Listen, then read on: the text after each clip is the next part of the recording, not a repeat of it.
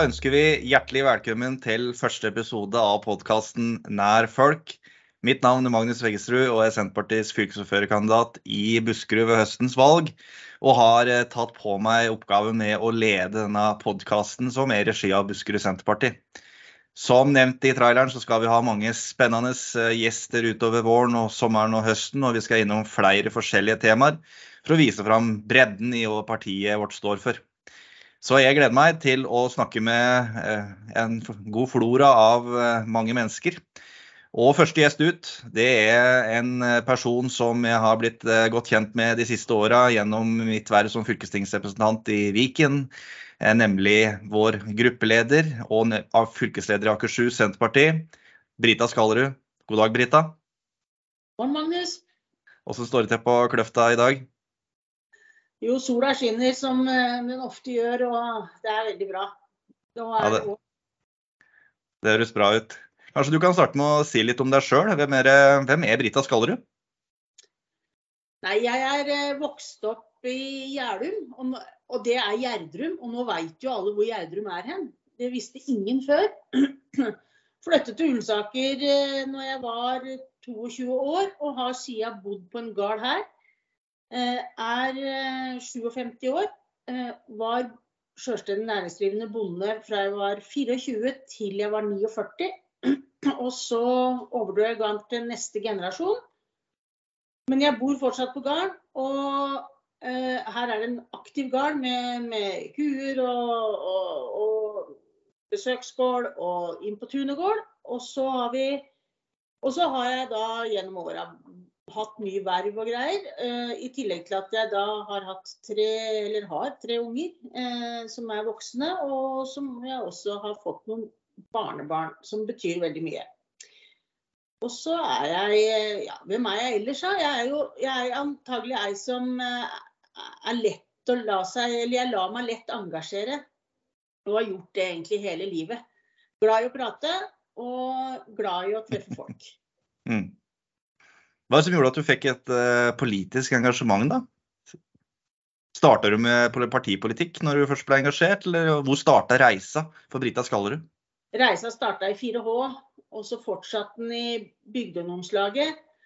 Og så sto jeg faktisk på lista, Senterpartilista i Audrum før jeg flyttet derfra. Eh, men så blei jeg at jeg måtte flytte og gå på skole og litt sånn, så da blei jo ikke det noe. Men, eh, og da landa jeg veldig i Bondelaget etter hvert. Mm. Og, er, og, det er jo også pga. mitt politiske engasjement. fordi at jeg er veldig glad i politikk, og så har jeg kanskje ikke vært så glad i partipolitikk. Og jeg mener jo at løsningen på mye i dette samfunnet ligger på å utvikle god politikk basert på, på både kunnskap og det å høre på folk der hvor de er, da. Mm. Så du mener at eh, dagens politikk eh, kan bli for polarisert? Eh, at man er for lite interessert i å finne kompromisser? Ja, jeg har jo ikke sansen for å krangle bare for å krangle. Og jeg har mm. stor tro på at det er mulig å finne løsninger liksom sånn mellom folk. da, Og at, at vi av og til må legge vekk den der partigreia og så heller finne den beste løsningen i, i fellesskap som, som, står seg over tid. Mm. Og det er jeg litt sånn opptatt av at uh, vedtakene må holde ei stund, da. Mm. Og ikke bare til det blir regimeskifte eller at du, du får, uh, får uh, andre interesser inn som liksom ikke tåler vedtaket, eller vedtaket tåler ikke det. Og det så, så, det har jeg vært opptatt av hele tida, å prøve å få til noe som, som blir noe av, og ikke bare prat. Mm. Men hvorfor ble det da Senterpartiet, av alle partier? din bakgrunn for landbruket er på en måte Ja, det Ja. ja nei, altså det har på en måte aldri vært egentlig i mine tanker å, å, å være hos noe annet parti. Det er ingen andre som uh, jeg finner så mye fellesskap med som jeg gjør i Senterpartiet. Og det, og det, det har jo med at det er et grasrotengasjement. Det, det, er å lytte til folk der ute, og at vi skal på en måte gjøre, ta, ta bruke politikken til å, å gjøre noe bra eh, på bygda. Og jeg er jo ekstremt opptatt av bygda. Mm. Sjøl om jeg bor nå i en kommune hvor eh, bygda minsker betydelig og byen tar over, så er det veldig viktig for meg å, å ha, å ha full fart på det derre bygdebiten av det hele. Det tenker jeg er en veldig, veldig, god inngang som jeg også deler. Jeg tenker at Vi må klare å fordele veksten i dette landet enda bedre enn det vi faktisk eh, gjør i, gjør i dag. Hvor, eh, hvor, veldig mange har flyttet byene de siste åra. Det skaper jo også et stort press på bl.a. Eh, matjorda, mens det er god plass utover bygdene. Så der, der, må vi klare å fordele den bedre, og da trengs det politisk vilje også til å, til å få det til. Så det er et engasjement som jeg virkelig deler med deg på det, på det Brita. Men da så det... tenker jeg det, Magnus, at det, det der engasjementet med å, å, være opptatt av bygda, det er også kjempeviktig for sentrale strøk. Mm. Altså, vi, vi, forgår i mennesker og kø og eh, at infrastrukturen i kommunen klarer ikke å henge med. Det bygges ikke nok lokale veier for at du skal ta unna trafikken. Du får, du får eh, steder i denne kommunen nå som det er helt umulig å tenke på å reise i, i morgenstrafikken og eftastrafikken som gjør at det er veldig veldig krevende på en måte å, å, å få ting til å fungere. Da. Så det mm. er veldig, veldig viktig. Helt klart. Og så er det jo samtidig også sånn at eh, Mange kommunepolitikere ser jo kanskje ikke at de har noe annet valg enn å jobbe for at man skal ha ensidig vekst også i de sentrale, store kommunene. Når bl.a. inntektssystemet for kommunene er rigga sånn at, eh, at, man eh, får mer penger jo mer man vokser. Og Det er kanskje noe som det er noe som vi i Senterpartiet absolutt bør prøve å få gjort noe med når vi nå sitter i regjering. Og Det er jo et utvalg som har jobba med bl.a. kommuneøkonomi eh, og inntektssystem for kommunene, som eh, da er utsatt neste år og skal endres da. Men eh, der tenker jeg at det må komme noen justeringer, slik at det, kan, at det innsidige fokuset på vekst ikke skal være det bærende kriteriet for kommuneøkonomien rundt omkring. Så, så det, det, håper jeg at vi får virkelig gjort noe med. Og da er det godt at eh, statsråden heter Sigbjørn Gjelsvik og ikke Jan Tore Sanner. Er du ikke enig i det, Brita? Jo, veldig. Og det er, det er, vi ser jo veldig tydelig at det å, å, ha forskjeller Altså det er stor forskjell på hvem som styrer dette landet, og hvilke prioriteringer man gjør. Eh, det er bare så synd at det, de, det er veldig sterke krefter. altså disse Sentraliseringskreftene de eh, forsterker seg eh, hele tida. Og det å snu den skuta der er særdeles krevende. Og må til på mange områder liksom, Du må gjøre ting på mange felt. da. Mm. Eh, og da må det også Det viktigste jeg mener, det er å rett og slett skape arbeidsplasser på bygda. Og, og at folk kan få et godt liv på bygda, både med allsidige arbeidsplasser og at det er arbeidsplasser til ofte begge ektefeller. At man må legge liksom eh, huene i bløt for at det skal være godt å bo der. Da. Og da må du jo ha butikken og skolen og alt det der andre ting veldig intakt. Mm. Når det blir for få, så blir jo det vanskelig. Og det blir lagt press på skoler og det blir lagt press på, på både det ene og det andre for å få det til å gå. Og da da er på en måte alt så mye enklere å plutselig flytte, mm. flytte til et annet sted. Da. Mm. Og så er det en bekymring til med den sentraliseringa som jeg tenker at det er, er, veldig krevende. Og det er jo at det er eh, eh, Når du bosetter deg så sentralt som mange gjør i veldig små leiligheter, så er det også behov for at du er nødt for å ha en, eh, ha en hytte. Så du bygger ned liksom både matjord og, og, og fortetter og ordner i sentralstrøk, samtidig som du også har behov for å ta natur og, og utbygging andre steder. Så det blir liksom dobbelt opp. Mm. Det gjør det. Samtidig så skal det jo også ikke legges under en stein at eh, det å det å utvikle hytter i forbindelse med også reiseliv, det har jo også skapt en god inntekt for veldig mange ute i distriktene, som også, en, også man bruker til å utvikle, utvikle lokalsamfunnet ellers også. Så, så det, det, er viktig da, at vi skal ha et fokus på ikke bygge ned alt av natur eh, til fritidsbebyggelse i distriktene, men, men, eh, men eh, det er en viktig næringsvei som har blitt, som har blitt en god inntektskilde mange plasser i, i distriktene, bl.a. i mitt fylke Buskerud.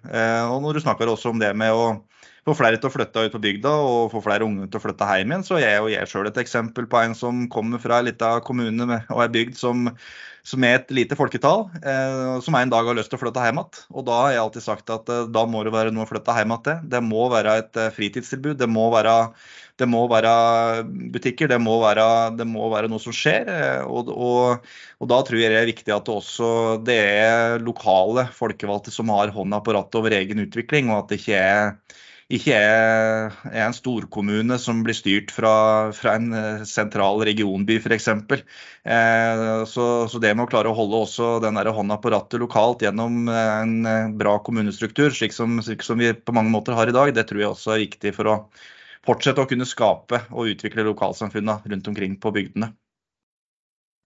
Ja, og så tenker jeg det er eh, eh, viktig å, å, ta vare på at vi skal være forskjellige, da.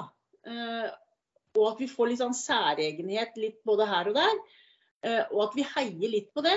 Eh, at mm. ikke alt skal bli likt. ikke sant? Altså Nå lager vi masse tettsteder eller små tettsteder så vi kanskje bygger blokker i tettstedene på bygda også. Og, og det, det, gjør at vi lager samfunnene våre så veldig like, i stedet for å, å spille litt mer på, på de forskjellene vi kanskje kunne utvikla enda bedre. Eh, og så tror jeg også det der med å, å, å eh, være med å skape entusiasme, det må, må mange flere gjøre. da. Mm. Eh, det er liksom ikke bare politikere som får gjort det, det er alle egentlig sitt ansvar å, å bygge opp bygda og få med folk på at dette er et bra sted å være. Mm. hvis alle surmuler og klager og syns at det er helt forferdelig og alt er langt til, eller et eller annet sånt, så, så blir det på en måte en spiral som også er veldig, veldig dårlig å være i.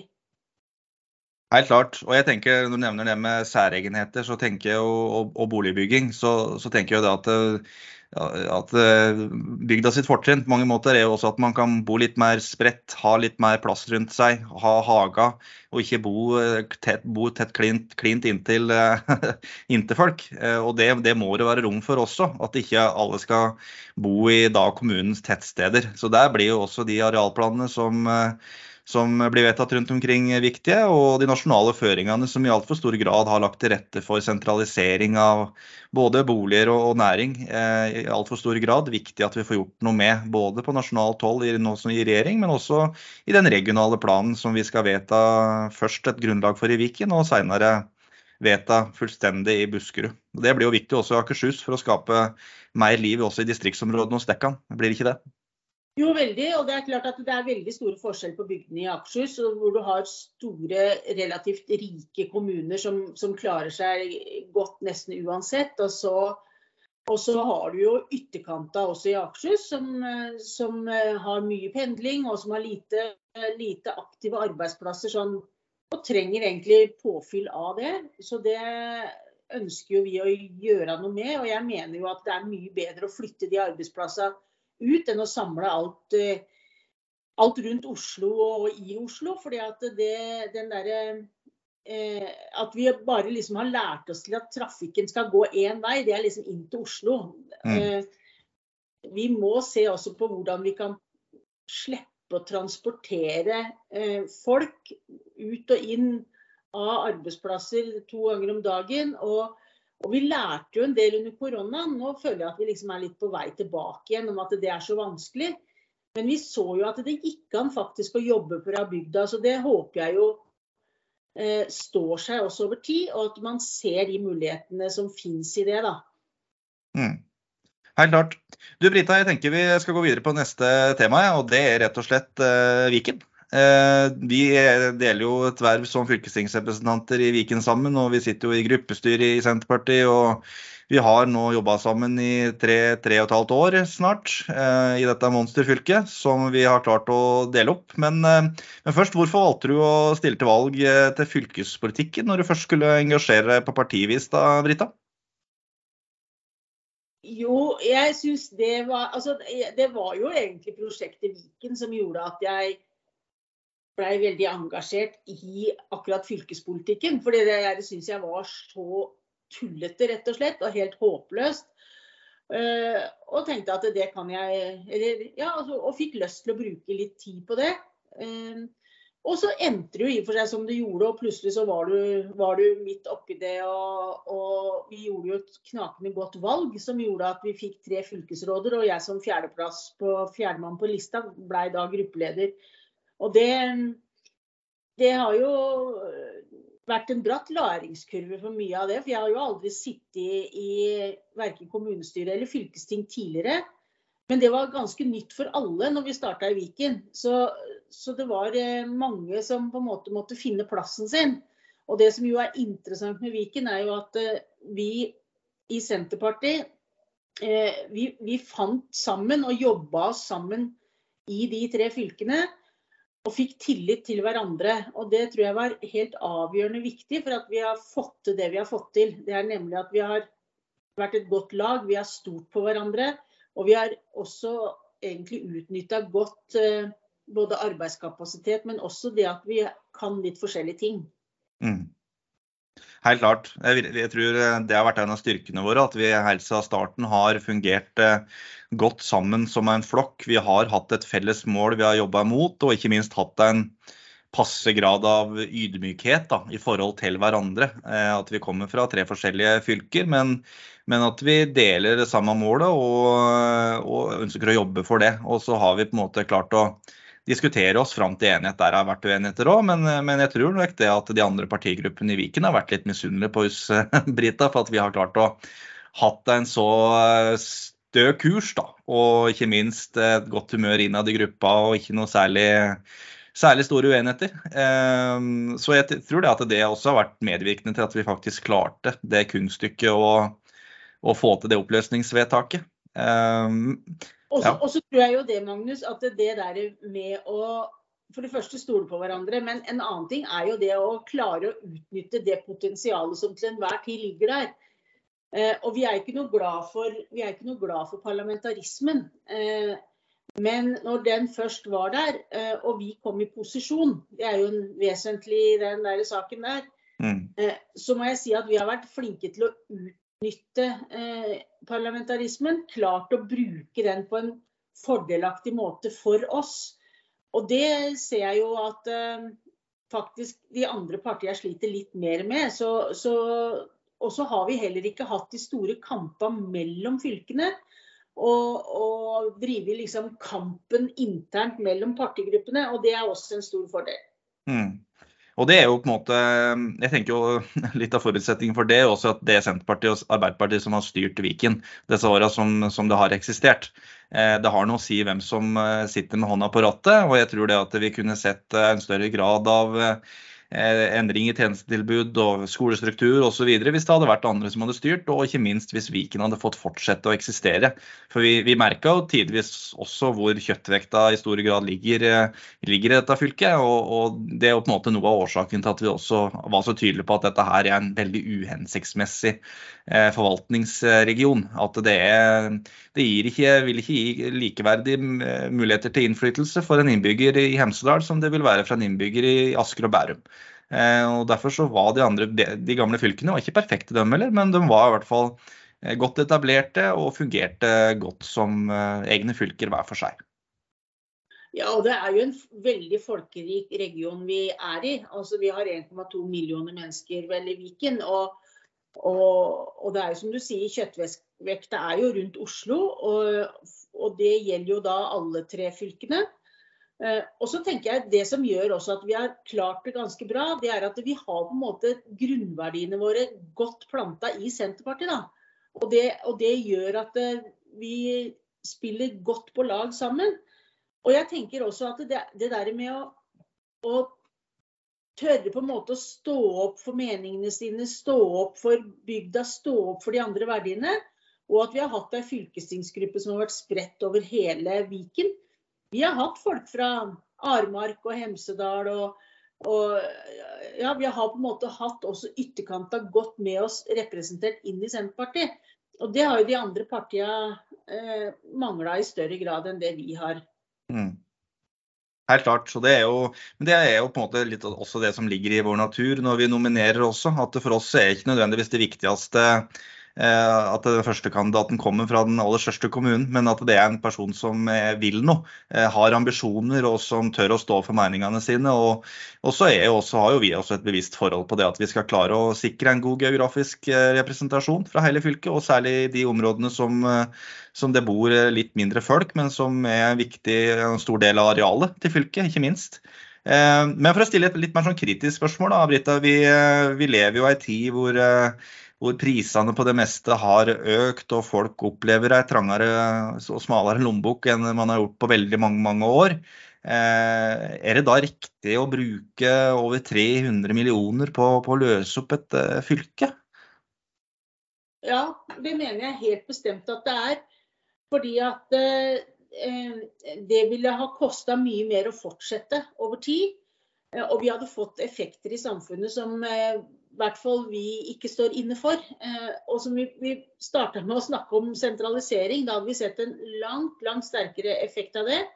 Og som du var inne på, Magnus, eh, strukturen på videregående skoler hadde endra seg ganske fort, tror jeg. Eh, og, og, da måtte vi vært sikre på at vi hadde et rød-grønt flertall til enhver tid som var villig til å, å styre godt. Det jo, har vi ingen garanti for, dessverre. Og sånn er jo valgsystemet. Og heldigvis, da, så er, mm. er det jo sånn. Uh, men jeg mener at det er helt, helt riktig å bruke de penga på det. Og få tilbake ikke minst folkestyret i større grad. Altså, det at vi er nå 87 stykker i fylkestinget i Viken, det er jo mange, det. Men det er jo flere når vi nå får delt opp fylkene igjen. Og vi har uh, skal vi se, tre, Er det 43 i Buskerud det skal bli nå? Eh, 47, faktisk. 47. Er det Østfold tror jeg skal ha 43 da, kanskje? Det kan stemme. Ja, jo, det stemmer. Og, ja, og dere 47 og vi 51, så er jo det flere å fordele makt på, og det mener jeg er sunt. Eh, at du får større engasjement, du får større eierskap. Og vi merker jo det veldig godt når det er saker som skal gjennom Viken, så er det jo en del ting som du på en måte tenker dette her kan jeg ikke noe om, eller dette skjønner jeg, dette har jeg på en måte ikke noe med. Mm. Eh, og, og, vi ser jo veldig tydelig at engasjementet rundt saker eh, i kommunene som er lengst ut, er langt, langt mindre enn om det er noe i sentrale strøk. Så, så det, den effekten av eh, sammenslåinga ville ha vært veldig, veldig skadelig, eller vi hadde vært veldig skadelidende hvis vi hadde fått fortsatt med det. Og så er det jo ingen tvil om at eh, Akershus er et sterkt fylke, liksom. Og, og har, har, hatt og har god økonomi. Og da blir det liksom da blir det dratt også av den grunn nedover eh, i, i sentrale strøk. Mm. Og da tror jeg også eh, sentraliseringa hadde fortsatt internt i de tre gamle fylkene også. Eh, og, og, vi kunne ikke på en måte fremma ting som var viktig for oss og bygda. og og Vi mener jo også at det skal være godt å bo i sentrale strøk og, og få velfungerende liv i, i Drammen by, og, og, men like mye på bygda. Og det tenker jeg at det er liksom viktig at, at vi har det der blandingsfokuset, da. Helt klart, og du var inne på dette her med den eh, demokratiske eh, sida ved dette her. og Det er jo klart at eh, formålet med Viken var jo å sentralisere makt. Og sentraliserer man makt, så sentraliserer man i neste omgang aktivitet. Det ville ført til endringer i skolestrukturen. Det ville ført til at fokuset i særlig distriktsområdene ville blitt mindre. Og jeg tror også at rekrutteringa til politikken f.eks. på fylkesnivå ville blitt dårligere, fordi at man føler at man ikke ikke har uh, verken lokalkunnskap eller engasjement for, uh, for, store deler av det området han har ansvar for. Og Det har vært noe av kjerneargumentene for uh, også. Og så er det dette her med at Eh, antageligvis, det har vi jo også sagt, og det har vel også enkelte i Høyre og på høyresida vært ærlige på, at eh, formålet med Viken var å redusere legitimiteten til fylkeskommunen som nivå, for å neste gang omgang eh, legge ned fylkeskommunen og erstatte det med store regionkommuner, og den sentraliseringa det ville medført. Eh, så, så denne, vi står midt oppi en stor eh, kamp om hvordan Norge skal se ut og, og være. En kamp om, om, et eh, folkestyre og at det skal være vanlige folk, og ikke, ikke bare noen få elitepolitikere som, som, sitter og styrer dette landet og rundt omkring i fylker og kommuner. Så der, jeg tror vi skal være stolte av den kampen vi har, har vært gjennom, Brita. Og vi står fjellstøtt i dette vedtaket. Mm. Det, det, gjør vi. Men, eh, men apropos ja.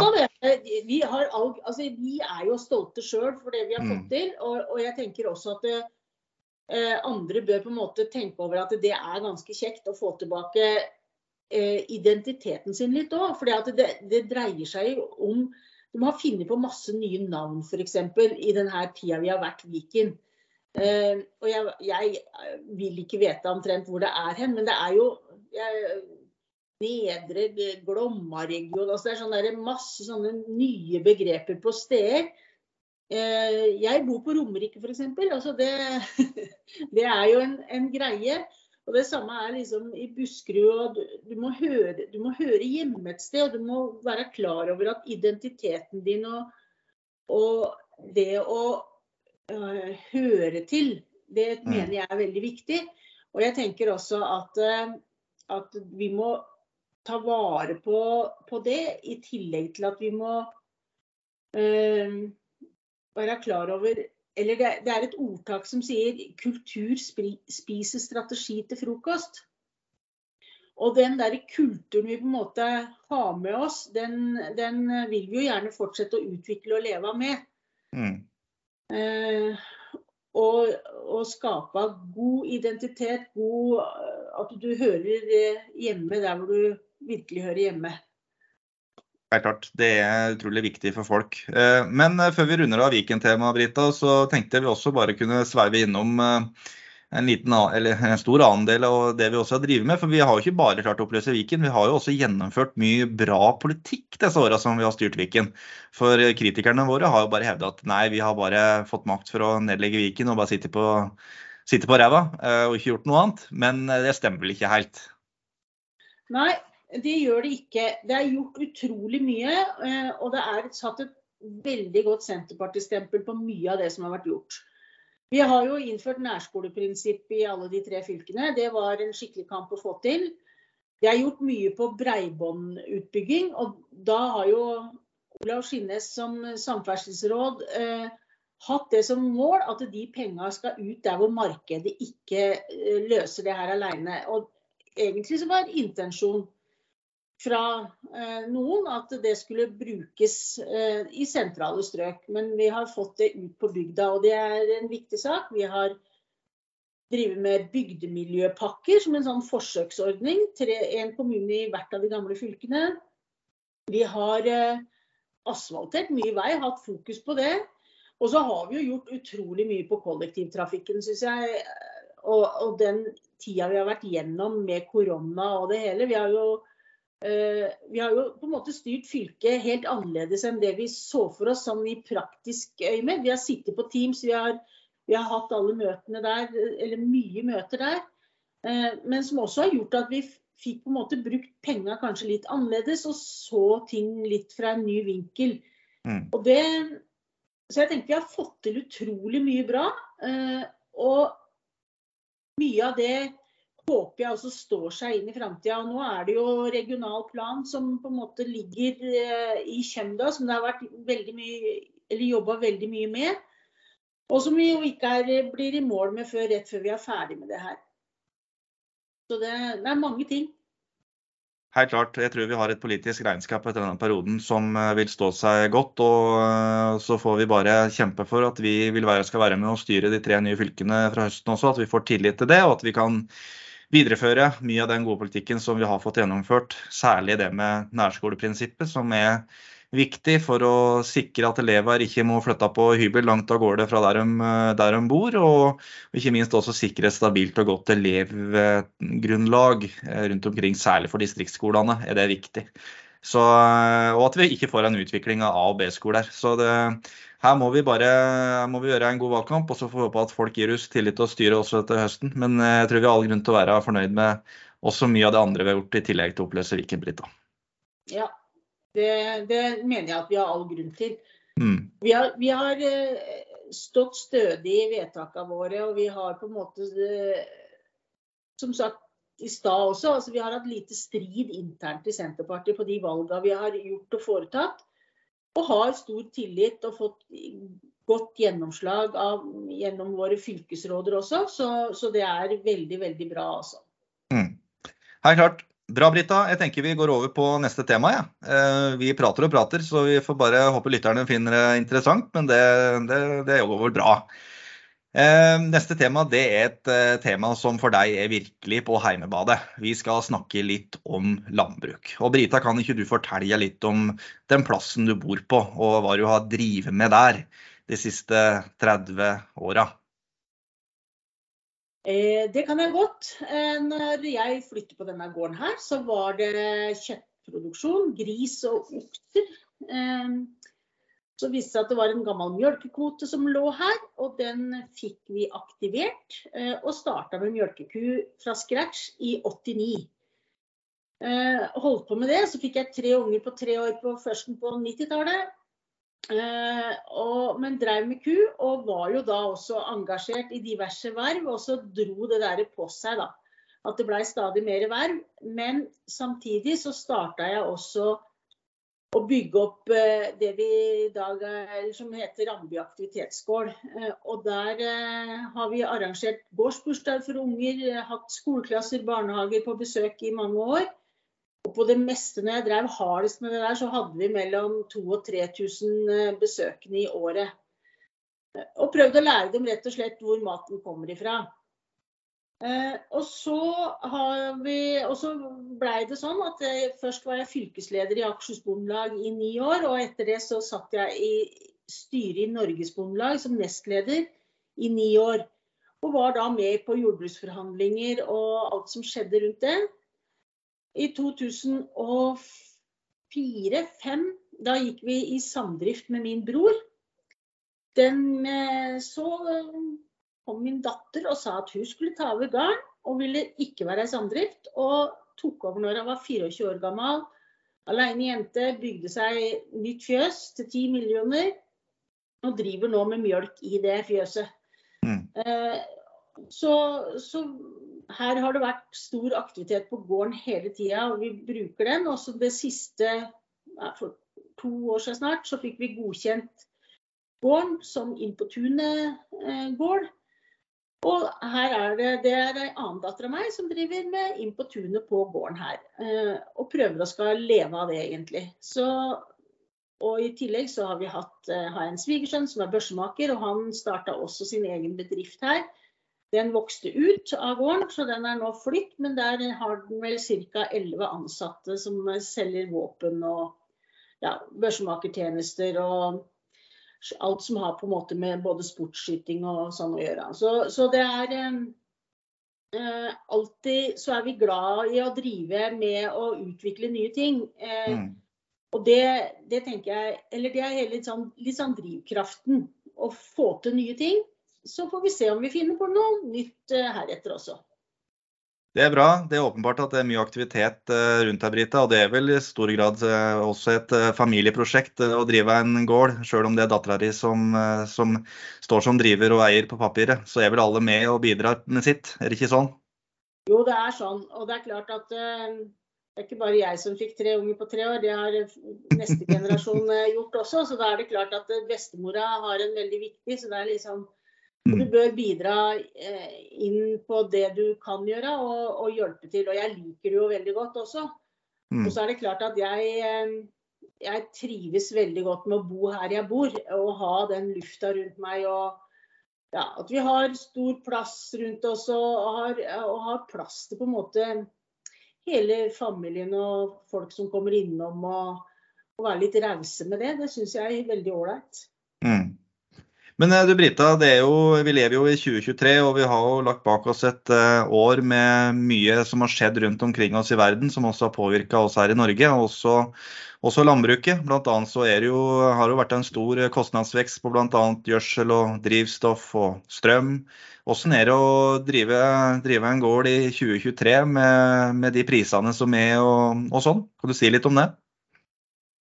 Ja, jeg så akkurat tall på at eh, kostnadsveksten i landbruket hadde økt var det med 12-12,5% mens i samfunnet for øvrig rundt 7 mm. Og det merker man ekstremt godt.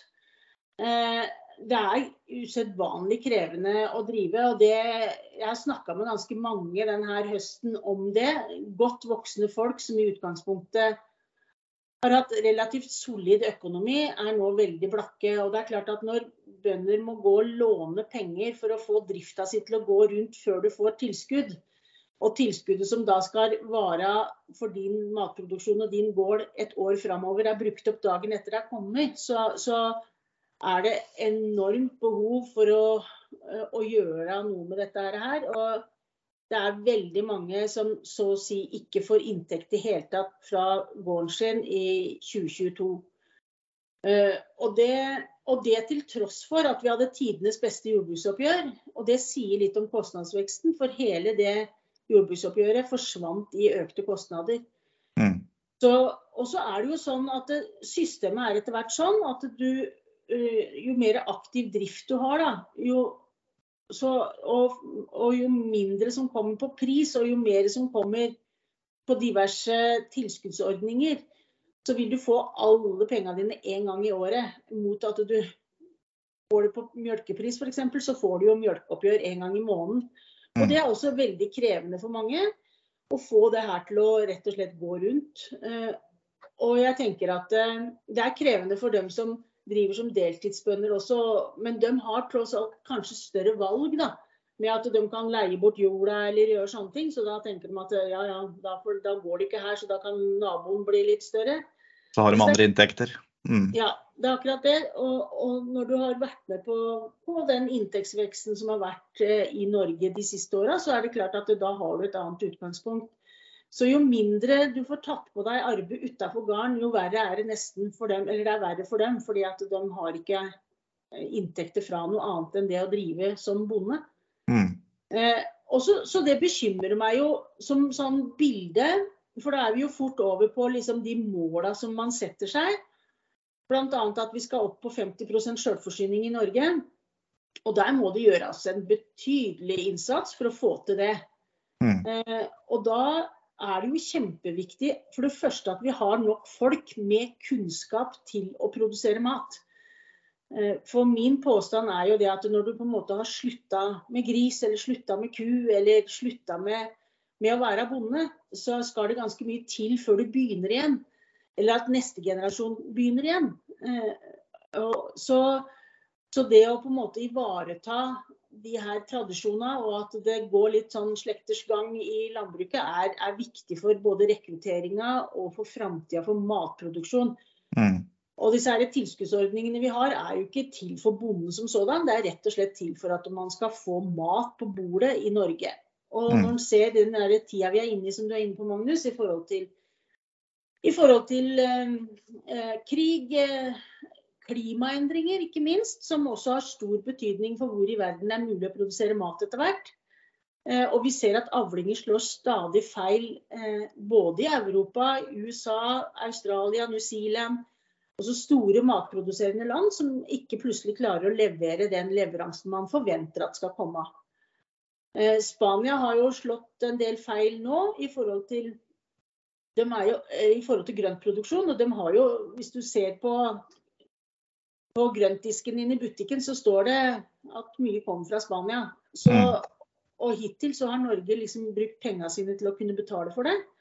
Mens hvis du ser på butikkhyllene i Storbritannia f.eks., så er, veld, er, det veldig mye tomme hyller. Så jeg, jeg, vi er veldig bortskjemte, og vi tar det som en selvfølge at det er mat i butikken hver dag. Men vi er utrolig sårbare. Det skal ikke mye til før alt stopper opp. Nei, og Det tror jeg flere har fått øya øye opp for det siste året også. At man ser at uh, dette her handler om beredskap. Det å faktisk å ha, å ha, tilgang på mat. Og det mest grunnleggende behovet som vi faktisk har, er jo mat. Uh, så Eh, det tror jeg har vært en vekke for veldig mange det siste året. At når, når krigen er så tett på oss som den er i Ukraina, og ikke minst Ukraina som en stor eksportør av bl.a.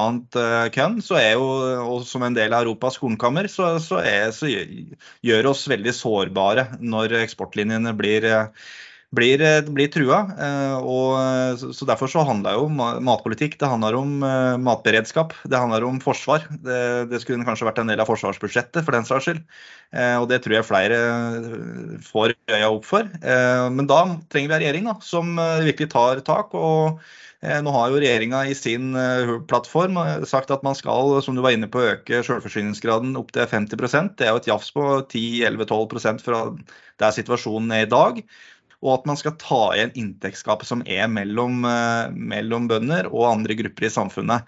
Og eh, Det er jo en stor jobb. Eh, og Brita, nå skal du få muligheten til å si hvordan skal regjeringa få til dette? Nei, Jeg mener at altså, De største hindringene vi i dag har for å ikke øke matproduksjonen i Norge, det er at kjedene har for stor makt. på hva som skal ut i markedet.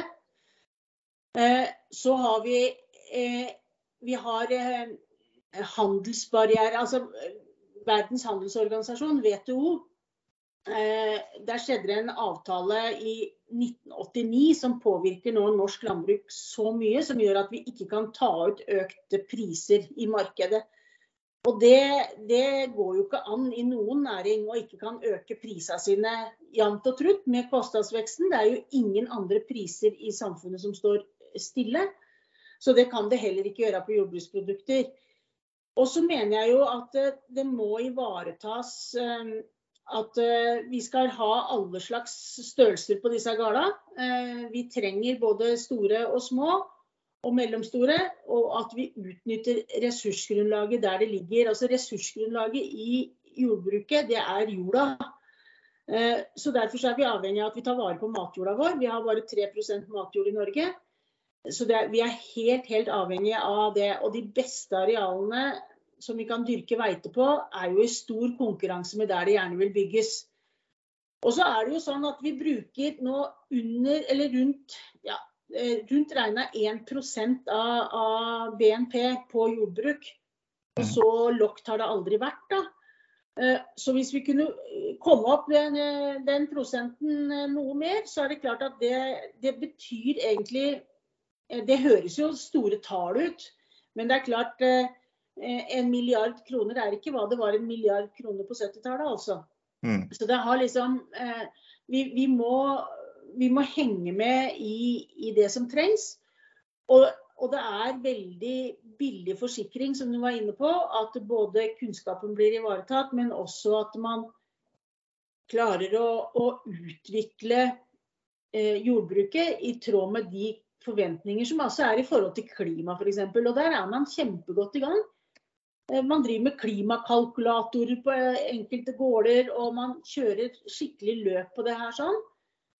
Så, så jeg tror det, det, er å ta vare på mangfoldet. Det er å få eh, orden på at importvernet står seg, og at handelsregimene eh, gjør at alle nye handelsavtaler som skal inngås med andre land, at vi ikke tar og reduserer, eller at vi må, må forplikte oss i forhold til jordbruksprodukter på de, de avtalene. Og så er det som sagt kjedemakta. og det som skjer i kjedene, er jo at det nå skal bare brukes egne merkevarer i, i veldig stor grad, og som gjør at vi ikke klarer å ta ut priser mm. eh, i det der, der. Og det er, et rått, eh, det er et rått løp, det som foregår i kjedene.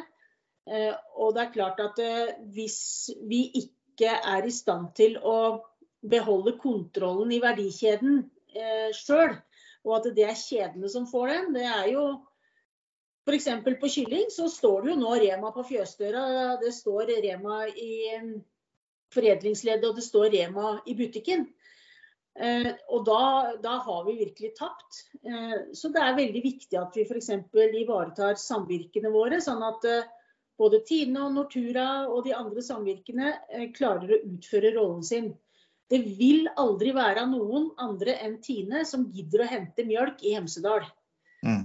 Eh, og det er ingen andre enn Nortura som har mottaksplikt, og som hente, må hente dyr overalt. Og alle de her små brikkene, hvis du river ut liksom én kubbe eller et bein på det ene sted, så slår du ut ganske kraftig et helt annet sted. Mm. Så det er et um, eh, Mange sier at dette her jordbruksavtalesystemet og greier er så vanskelig.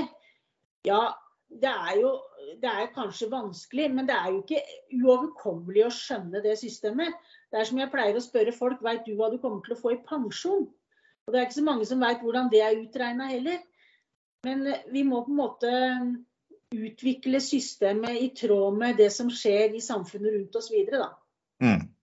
Jeg tenkte på en annen metafor når du sa det du sa nå, eh, om det med brikkene. Altså Man skal ikke eh, rive ned et gjerde før man veit offeret er satt opp. Det, hva er det det gjerdet holder inne? Det, det, er på en måte noe som er litt lurt å tenke på. Så tror jeg det at flere og flere har fått jobb for den makta som, som kjedene har. Du nevnte jo at det var et veldig høyt jordbruksoppgjør i fjor. Men så har det jo vært en, en enorm økning i matvareprisene både i høst og, og i vinter. Og det kan jo ikke skyldes alt alene, det jordbruksoppgjøret som var i fjor. Det stemmer ikke det, Britta? Jeg tror de regna ut etter jordbruksoppgjøret i fjor at matprisene skulle øke med det som er på norsk, det er jo norskandelen vi snakker om her, mm. uh, øke per person i Norge med 400 kroner. Og det er jo noe av det høyeste faktisk som nesten har økt da, i de siste åra. Men, men Mjølkeprisen økte med 33 øre, og så er det forhold som gjorde det sånn og sånn, så den har økt med 30 øre i én liter mjølk. Mm. Og, og, det er klart at når kjedene tar ut en fire-fem kroner i økning på mjølkekartongen, så er ikke det bonden som sitter med den, eh, den økningen. Og sånn er det. Kan du ta produkt til produkt. Og så er det jo ikke noe som tilsier at vi skal ha høyere pris på pasta, kaffe, te. Også alle de her produktene som vi ikke produserer i Norge, ligger også langt over f.eks. prisen i Sverige eller andre land mens de antagelig importerer den til samme prisen som både Sverige og Tyskland gjør. Mm. Så, så, det er mye egentlig å ta tak i her, og at vi må få, få orden på det der. Og det må regjeringa prioritere å gjøre, ellers så har ikke norske bønder noe marked. Mm. Helt klart. Du Brita, veldig bra. Eh, et par ting før vi runder av dette temaet vil jeg spørre deg om. Det vårens vakreste eventyr, kaller noen det, men vi kaller det jordbruksoppgjøret. Eh, hvis du skal gi to råd til Sandra, landbruksministeren, hva ville du sagt til henne da, i forkant av årets oppgjør? Er å lytte til næringa, lytte til, eh, til dem som har skoa på og som er unge og har investert. Det er det viktigste. Mm. Eh, altså det å fylle på til eh, den delen av landbruket som er fra 60 år og oppover, de får heller klare seg i en hard prioritering. Men det viktigste er at ungdommen eh, har lyst til å drive med dette og ser noe framtid i, i, landbruket. Og da vil man tjene som andre folk. Man vil ha litt fri. Eh, og, og, og, leve liksom som de fleste andre gjør. Og så tenker jeg også at eh, Eh, det var, det var, en god start i fjor, eh, men det er ingen tvil om at det må vi fortsette på det løpet der. Skal, eh, skal vi komme opp på noenlunde nivå med andre folk. Og før så holdt på en måte folk på, eller man tok over fordi man syntes man måtte, men den tid er forbi. Mm. Ungdommen gidder ikke å ta over gårder i dag hvis de ikke ser at det er, at det er noe lønnsomhet i det. Mm. Eh, og Det skyldes verken odelslov eller noe annet, det skyldes rett og slett at økonomien er for dårlig. Og vi, vi må på en måte få fart i de bygdene som er igjen. Eh, ta vare på, som jeg sa i stad, eh, mangfoldet. At både de store og de små og de mellomstore tjener penger. Det må på hele sjiktet. For nå gjør ingen det. Verken de små eller store. Det tror jeg var gode råd som eh, Sandra vil ta til seg. Og så eh, til det siste, Brita, så hører jeg jo at du stadig vekk eh, er veldig opptatt av de unge, de som skal ta over. Kunnskap er jo også ferskvare, så det er viktig at vi overleverer kunnskapen og får unge til å komme inn i næringa.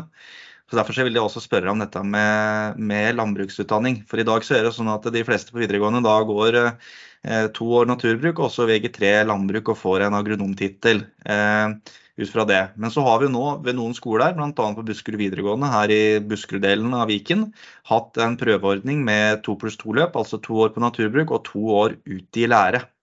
Og dette vet du har sterke meninger om, stemmer ikke det? Jo, det stemmer. Og jeg er veldig engasjert i den saken. Fordi at jeg mener at det er eh, helt feil vei å gå, da. Eh, fordi det å gå tre år Eh, på naturbruk og få en agronomtittel er sidestilt med å ha et fagbrev. For det første. Og for det andre så mener jeg at uh, i dag betaler staten utdanninga til agronomen. Hvis du skal ha det over på et lærlingløp, så er det næringa sjøl som må koste lærlingen. Eh, du skal ha jobb til lærlingen fem dager i uka. Du skal klare å gi den et godt nok mangfold i utdanninga si og følge de planer og ting som ligger der. Eh, og du skal også eh, ha fornuftige oppgaver. Og mange av de her prøveprosjektene så har jo mange vært lærlinger på skoler rundt omkring. Og da mener jeg man oppnår ikke det man ønsker. I andre tilfeller så ser vi at man blir lærling hjemme hos pappa. Og det mener jeg heller ikke er noe lurt, for da lærer du lite nytt, for å si det sånn.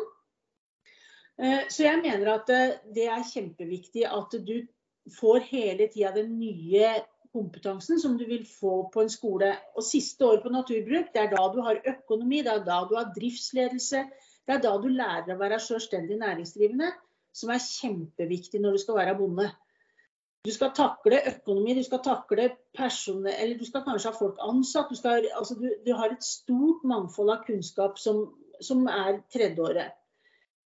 Og så mener jeg også det er viktig å ta de tre åra. Og, og, for dem som ønsker det da, å ta påbygg og få studiekompetanse. For vi trenger også folk som tar høyere utdanning innen landbruk. Går på Ås, går på Blæstad, går på på, eh, i Steinkjer på husdyrfag osv. For disse trenger vi på landbrukskontorene, vi trenger dem i samvirkeorganisasjoner eller i næringsmiddelindustrien for øvrig. Vi trenger det også ute eh, på bygda, rett og slett på gårda, og ha god, god utdannelse. Eh, så for noen så passer det å ta den, og det, det er aldri liksom bortkasta å ta den utdannelsen og som også da er litt sånn drivkrefter til kanskje å komme, komme videre og lengre. Eh, så her er det mange ting som jeg mener er viktig inn i denne diskusjonen, og som er helt avgjørende for at vi framover skal også få rekruttering. Jeg har sjøl tre døtre som har gått på landbruksskolen, eller er agronomer. Og de hadde jo aldri i verden valgt å gå på det hvis, de, hvis de måtte ut i læra. Så jeg tror du mister fryktelig mange grupper da, som i dag tar naturbruk. Og det blir igjen dem som er veldig glad i å Nå skal jeg sette det litt på spissen, da. Dem som er veldig glad i å kjøre traktor, eller er veldig glad i den maskindelen av det å være agronom. Men vi trenger også god dyrekunnskap. Vi trenger også at f.eks. folk som skal gå på veterinæren, blir agronom først og kan ta spesiell studiekompetanse og komme inn på veterinæren. Og jeg mener jo også for det har blitt kritisert at så mange går f.eks. og utdanner seg videre i helsesektoren fra de har gått på naturbruk. Det er kjempelurt. Hvis du skal bo på bygda, så er det altså de to kanskje arbeidsplassene som finnes der. Det er innen helsesektoren, og det er innen landbruket. Og kombinasjonen av de to utdanningene gjør at jeg kan bosette meg på denne gården og få et uh, godt utkomme og, og leve bra liv på bygda. Mm. Ja, nei, jeg følger på den argumentasjonsrekka, Brita. For Buske Buskerud Senterparti sin del så vedtok vi jo fylkesvalgprogram her i februar. og Der går vi inn for at vi ønsker primært å ha den ordninga som har eh, vært. Men så har vi da forsøksordningen da på Buskerud videregående som eh, nå går vel fram til 2026. Så den får gå sin gang, og så får vi ta en, eh, ta en, avgjørelse etter det. Men jeg tenker jo at det vil være formålstjenlig om også landbruket kan bli enig med seg sjøl. At her må landbruksorganisasjoner si klart og tydelig fra. Vi ønsker denne ordninga. Punktum. Ja. Det er du enig i? Mm. Bra. Du Brita, før vi skal runde av, så vil jeg innom et bit Eh, eller ikke et lite tema, egentlig, det er ganske stort for så vidt. Men til helga så er det jo landsmøte i Senterpartiet. Eh, og Det er jo første fysiske landsmøte vi har hatt på fire år. Jeg vet ikke om du var med forrige gang på Hamar i 2019? Jo, det var jeg. Du var det, ja. For min del så blir det mitt fjerde eller femte. Jeg var på første landsmøte i 2013. Så det er alltid stas å komme på landsmøte, møte folk, snakke om politikk. og bygge nettverk og ha det artig sammen. Eh, og det tror jeg vi trenger i Senterpartiet nå, etter eh, to år med korona og litt, eh, litt nedgangstider på målingene i det siste. Men hva er det du ønsker å sette fokus på, på i debatten på fredag? Jeg regner med at du skal si noe i generaldebatten? Jeg skal si noe i generaldebatten. Jeg har ikke skrevet innlegget mitt ennå. Og må, jeg må jo ta litt utgangspunkt som fylkesleder i det som var tatt opp på fylkesårsmøtet i Akershus. Så jeg skal gå gjennom det en runde til. Men eh, jeg mener jo at den, eh, noe av de viktigste debattene som kommer i samfunnet framover, er i forhold til eh, både nasjonalt eierskap på ting. Eh, og, og, så tror jeg også en ting som seiler opp til å bli mye, mye viktigere, det er helsepolitikk. Eh, sykehus, eh, hvordan eh, vi organiserer og hvordan vi ivaretar de bevilgningene vi faktisk gir til helse, og at det kommer til folk og ikke til mellomstillinger og, og, og foretaksmodell og hele greia. Så det er jeg veldig opptatt av for tida. Um, så er jeg opptatt av på energi uh, så, så, tror jeg vi har, altså vi har rett og slett glemt å prate om eh, bioenergi på en stund. Uh, og der har vi et, en lavthengende frukt uh, til å kunne bygge langt flere anlegg for flisfyring eller, eller ja, flis og, og ved osv. Og, dette slipper jo ikke ut noe, det, renses jo, så det er ikke noe problem. Og det, det, kan vi på en måte bruke mye mer penger på. Vi bruker nå 50 milliarder vel på strømstøtte, mens man bruker 50 millioner på støtteinvesteringer til flisanlegg. Så det kan hende at det er en god idé å, å øke det, sånn at vi kan fyre opp mm. kjerka, eh, skolen, eh, mange sånne ting i bygdene med det. For det, det råstoffet har vi rundt oss. Og ikke minst i Buskerud har man flust av det å fyre, fyre opp sånne ting. Og som kan realiseres raskt. Det tar kort tid med kjent teknologi å bygge det. Mm. Så det er liksom så det er en del sånne ting som jeg tenker at vi må, vi må prøve å få tatt tak i en del lavthengende frukter og få gjennomført det i praksis. Mm. Og så er jeg jo selvfølgelig opptatt av at eh, vi i Senterpartiet må bli mye, mye flinkere til å kommunisere. For vi har fått ganske mye gjennomslag i den regjeringsperioden vi er inne i. Er, det er utført utallige ting, men som kanskje er litt for, litt for lite kjent ute blant folk. Og så den siste ting er jo det at jeg håper at folk Altså det man, det, for meg er det veldig rart nå at meningsmålingene til Høyre er veldig gode. Fordi at det, er faktisk høyrepolitikken som gjør folka sinte. Men samtidig, og samtidig som de da går til Høyre. Mm. For det, eh, om vi prater strøm, så vil Høyre de vil ikke ha verken strømstøtte eller noe annet. De har gått inn for det her regimet vi nå er inne i, og har ikke noen andre løsninger. Det samme er det i og for seg på alt fra lakseskatt til andre ting. At Erna Solberg hadde heller ikke hatt mulighet og, eh, og det handlingsrommet som hun hadde når hun styrte. For verden har endra seg så raskt og så betydelig at det er andre ting vi faktisk må bruke pengene våre på og prioritere nå enn det som var bare for to-tre år tilbake. Er klart, og det tror jeg vi skal bli flinkere til å tydelig si også. Vi, vi, vi, gjør ikke alt rett i regjering, og det går kanskje litt treigt på enkelte ting. Men, men, samtidig så skal vi heller ikke være redde for å si at eh, hvis Høyre hadde styrt, så hadde det nok vært, eh, ikke vært noe bedre. Antageligvis hadde det ikke vært Eh, like bra som det heller er. Eh, så jeg tror det at eh, vi skal også få fram mye av de andre tingene som vi har fått i regjering. For vi har en utrolig god pakke som vi faktisk har klart å få til, sjøl om det er trangere tider. Og det skal vi være glad for. Og at det er Senterpartiet som sitter med hånda på rattet og styrer landet nå. Men det blir bra, Brita. Jeg gleder meg til landsmøtet. Vi skal kjøre buss oppover til Trondheim. Gleder du deg til det? Ja, det blir hyggelig. Kan vi bli ja. litt bedre kjent. og og planlegge litt og bruke tida godt, tenker jeg. Og så liker jo jeg liker å kjøre litt rundt i Norge, for jeg syns det er pent her. skjønner du. Så Derfor så syns jeg det er helt i orden å sitte og glana ut av vinduet litt. Ja, kanskje vi ser moskuser på Dovrefjell og hele pakka? Ja, det er fullt mulig. Ja. Hvis det blir sånt vær som det er i dag, så er det jo veldig pent. Det hadde jo vært helt glimrende. I hvert fall ikke hvis det blir sånn vær som det var i går. Det tror jeg ikke vi vil ha. Nei, da, da var det snø. Det voldsomt. Ja. Du, nå er jeg fornøyd med å få snø. Nå vil vi ha våren. Ja, det er på tide nå. Nå er det slutt på en sånn Det er, det er typisk norsk vinter. Det er, sånn der, det er vinter, og så er det litt vår, og så er det vinter igjen, og så er det mellomvår, og så er det sommer, og så er det vinter. og så ja. Så vi Nå trenger vi at det går mot vår og varmere tider.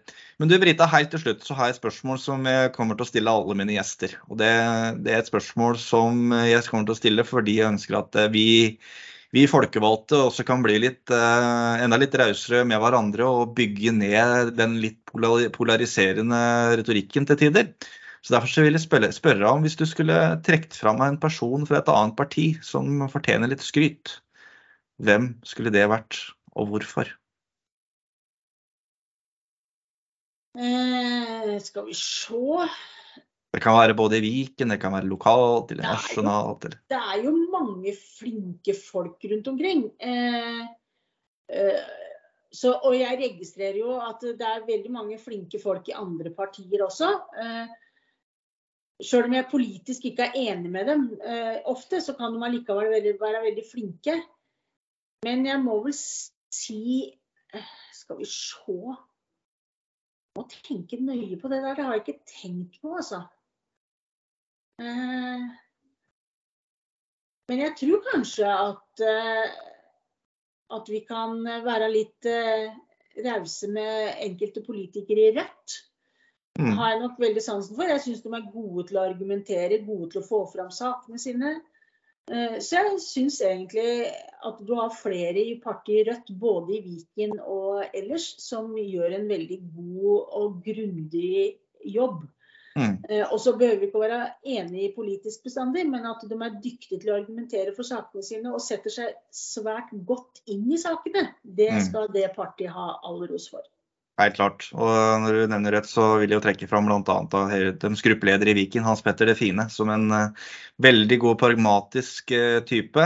Som, som vi, vi har jobba godt sammen med den perioden, Brita. Og jeg gleder meg til å jobbe videre med han forhåpentligvis i, i Buskerud. Så nei, men det var bra. Det er viktig å være litt rause. Ja, det er det. Ja. Nei, men du Brita, tusen takk for at du ville være med på podkasten som aller første gjest. Dette syns jeg var en veldig interessant og lærerik samtale. Så får vi håpe også at uh, lytterne føler det samme. Hvis det er noen som har uh, spørsmål uh, til både meg eller noen av gjestene mine, send meg gjerne en melding eller en e-post på magnusw.viken.no, eller ta kontakt på andre måter. Så kommer neste episode raskere enn vi aner det, for det kan tenkes at det blir noen landsmøtespesialer til helga. Takk for nå. Ha det bra.